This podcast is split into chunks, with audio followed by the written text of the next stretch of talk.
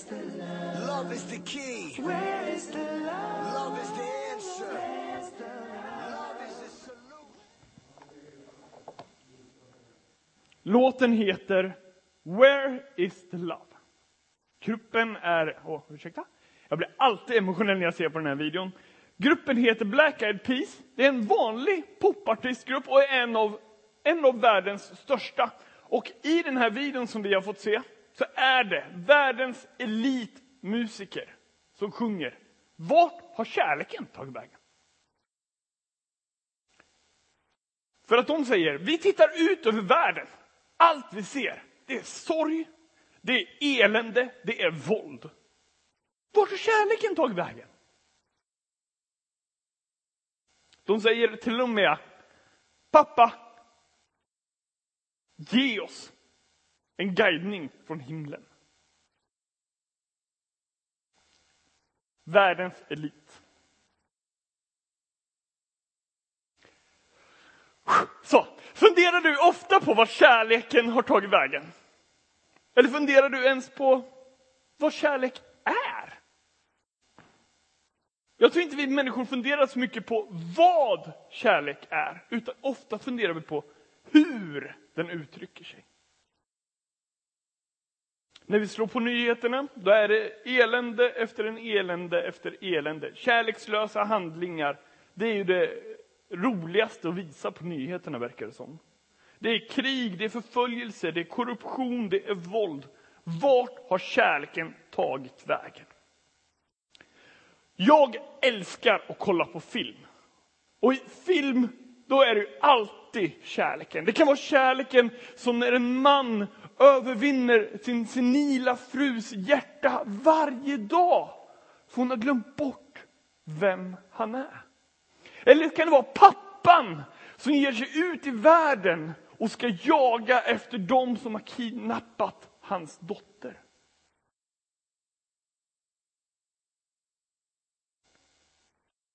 Vi människor har sedan urminnes tider haft problem med att kunna förklara vad kärlek är. För det är en komplex sak.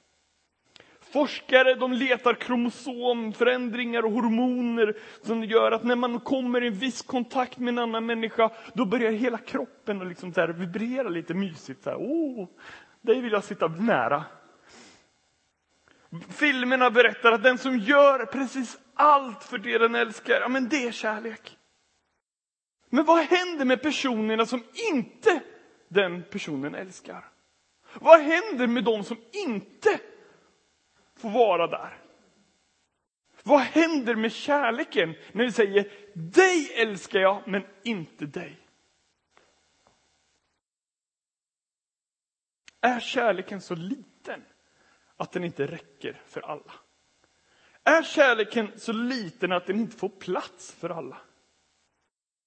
Att kärleken inte är rationell, ja men det har jag fått uppleva många gånger. Att kärleken är färgblind, oh yeah, jag har fått ta del av det. Men räcker kärleken till alla? Några som är duktiga på att sprida kärleken om det de älskar. Och sprida och liksom stå upp för det de tror på. Det är ju de där fotbollssupportrarna. Jag har nämnt det någon gång innan, jag nämner det igen. Och då menar jag absolut inte huliganerna som där får slåss. Utan de som står klädda i sina färger, som står där och skriker för glatta livet. De skriker när det går bra, de skriker när det går dåligt, de skriker när de har vunnit, de skriker när de har förlorat. När de har förlorat så står de där, nästa gång tar vi dem, nästa gång tar vi dem. Och liksom, du kan inte släcka ett hjärta på en sann fotbollssupporter. Den, deras passion är smittande. Jag blev inbjuden på att gå med på en IFK Göteborg-match. Ja, men snart stod ju jag där och sjöng också. Och jag hade ingen aning vilka de var. Men jag stod där och höll med liksom. Ja, yes, kom igen! För deras passion är smittande. Det de sjunger, deras lag, det är de bästa. Oavsett vad de har för statistik, oavsett var de ligger i svenskan. Deras lag är de bästa. För att de är övertygade att i slutändan, då är det där de kommer hamna. Det Spelar ingen roll om de har nio förluster och en vinst. De kommer ta SM-guld. De kommer gå segrande därifrån. Om några veckor, då ska vi läsa ur Lukas 19 tillsammans. Där kan vi läsa hur Jesus rider in i Jerusalem och hans lärjungar, hans supporter står där och skriker Hosianna, Hosianna! Och folket blir ju rasande. Säg till dem! Hör du inte vad de säger? Så där får de inte hålla på. Och Jesus säger, om de tystnar, då kommer stenarna ropa. Vad innebär det? Vad innebär det har jag tänkt många gånger. Jag tror att när vi börjar fokusera mer på oss själva och inte på Jesus, då blir skiljelinjerna på vilka som duger och vilka som inte får vara med mycket tydligare. Först blir det stenmurar. Senare blir det tillhyggen för att visa avsky av olikhet. När Jesus säger då ska stenarna ropa, då kan det vara ett stensrop, swishet, när den flyger. Det kan vara kracklet, som när man eh, lägger sin stenmur. Jag tänker att det kan vara så stenarnas rop är både, både då som nu. I Nya Testamentet så förekommer det flera gånger hur stenarnas rop låter. Genom domar, genom skiljemurar. För steningarna de förekom ju för att skilja på vad som var rätt och vad som var fel. Det som stenade sa genom deras handling, du har alltid fel, vi har alltid rätt. Vi har kommit tillsammans för att döma dig. Skiljemurar används för att sära på vart du får vara och inte vara. Och Jesus fick ett sånt tillfälle själv och han sa, den som är utan brist och fel, varsågod. Men inte då, inte nu, kan någon av oss lyfta en sten. Så jag säger så här, när vi hör ljudet av stenarnas rop, ja men kom igen, då är det dags för oss. Vi måste börja ropa högre.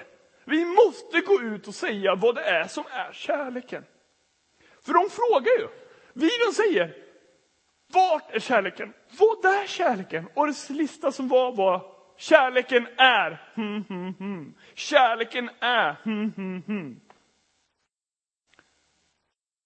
Och nu ska vi läsa ur första Johannes 4.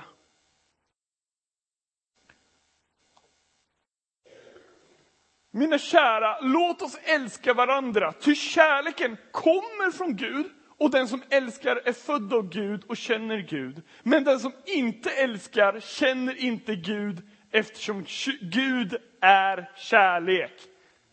Så uppenbarades Guds kärlek hos oss. Han sände sin enda son till världen för att vi skulle få liv genom honom. Detta är kärleken. Inte att vi har älskat Gud, utan att han har älskat oss och sänt sin son som försoningsoffer för våra synder. Mina kära, om Gud har älskat oss så, då måste också vi älska varandra. Ingen har någonsin sett Gud, men om vi älskar varandra är Gud alltid i oss. Och hans kärlek har nått sin fullhet i oss. Han har gett oss sin ande och därför vet vi att vi förblir i honom och han i oss. Vi har sett och kan vittna om att Fadern har sänt sin son att rädda världen.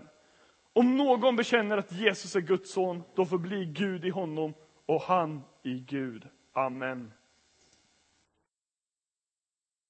Bibeln säger Gud är kärlek. Inte en variant av kärlek, utan kärlek. Inte för att Jesus är Gud och vi älskar, vi älskar ju Jesus för att han har gjort någonting för oss. Utan för att Gud älskade oss först. Så att mycket att han lät sig själv bli offrad på ett kors för att vi skulle bli fria. Om Gud älskar oss så mycket, varför ska då inte vi älska varandra? Om Gud säger, jag ger allt för dig. Gud sa inte, jag älskar dig Jag hoppar över några andra och sen älskar jag dig och sen hoppar jag över några andra. Han älskar alla. Från den trötte tjejen i kassan på ICA till telefonförsäljaren som envist vill ringa och sälja strumpor. Han älskar oss alla. Kärleken får plats för alla. Så när du ser en person som du kanske blir lätt irriterad på, tänk Gud älskar den personen. Så mycket. Och kanske är det då vi också kan få ett annat perspektiv. För Gud, han utmanar dig att göra det. Gud älskar oss oavsett om vi tror på hans kärlek eller inte. Om vi inte tror att Jesus dog för oss i kärlek, om Jesus helt plötsligt bara helt enkelt blev förrådd och straffad för sitt motstånd mot farisén och romarna, ja, men då är vi inte bara lurade, säger Paulus. Vi är det mest ynkliga och hopplösa folk som finns. Men, står det, om det är sant, då är vi det starkaste folk som finns. För Gud har visat oss att han älskar oss och vill oss väl. Då blir det lättare, inte lätt, att älska. Det blir lättare att älska sina fiender, sina jobbiga grannar, sina gnatiga fruar och män som inte förstår. Trötta och vresiga barn. Älska oss själva. Det blir lättare att säga, jag är älskad av skaparen. Så till dig som undrar, vart har kärleken tagit vägen? Han hänger på ett kors. Han ber dig om att du ska fästa blicken mot honom. Sedan sprida det vidare. För det är många som undrar idag. Vi ber. Herre, tack för att du älskar oss. Tack för att du är kärleken. Tack för att när vi du älskar oss även när vi känner att vi inte förtjänar att vara älskade. Och du älskar oss så mycket mer när vi känner att vi förtjänar din kärlek. För då är du där. Du var där när vi inte förtjänade det. Du är där trots att vi ibland tror att vi förtjänar det. Du var villig att dö för att vi ska kunna ha kontakt med dig. Idag ska vi få fira din nattvard som ett tecken på just detta om att du var villig att gå in i döden för just mig och dig och alla människor på jorden. Hjälp oss att hålla kärleken som, med vårt liv mot de människor vi möter. Amen.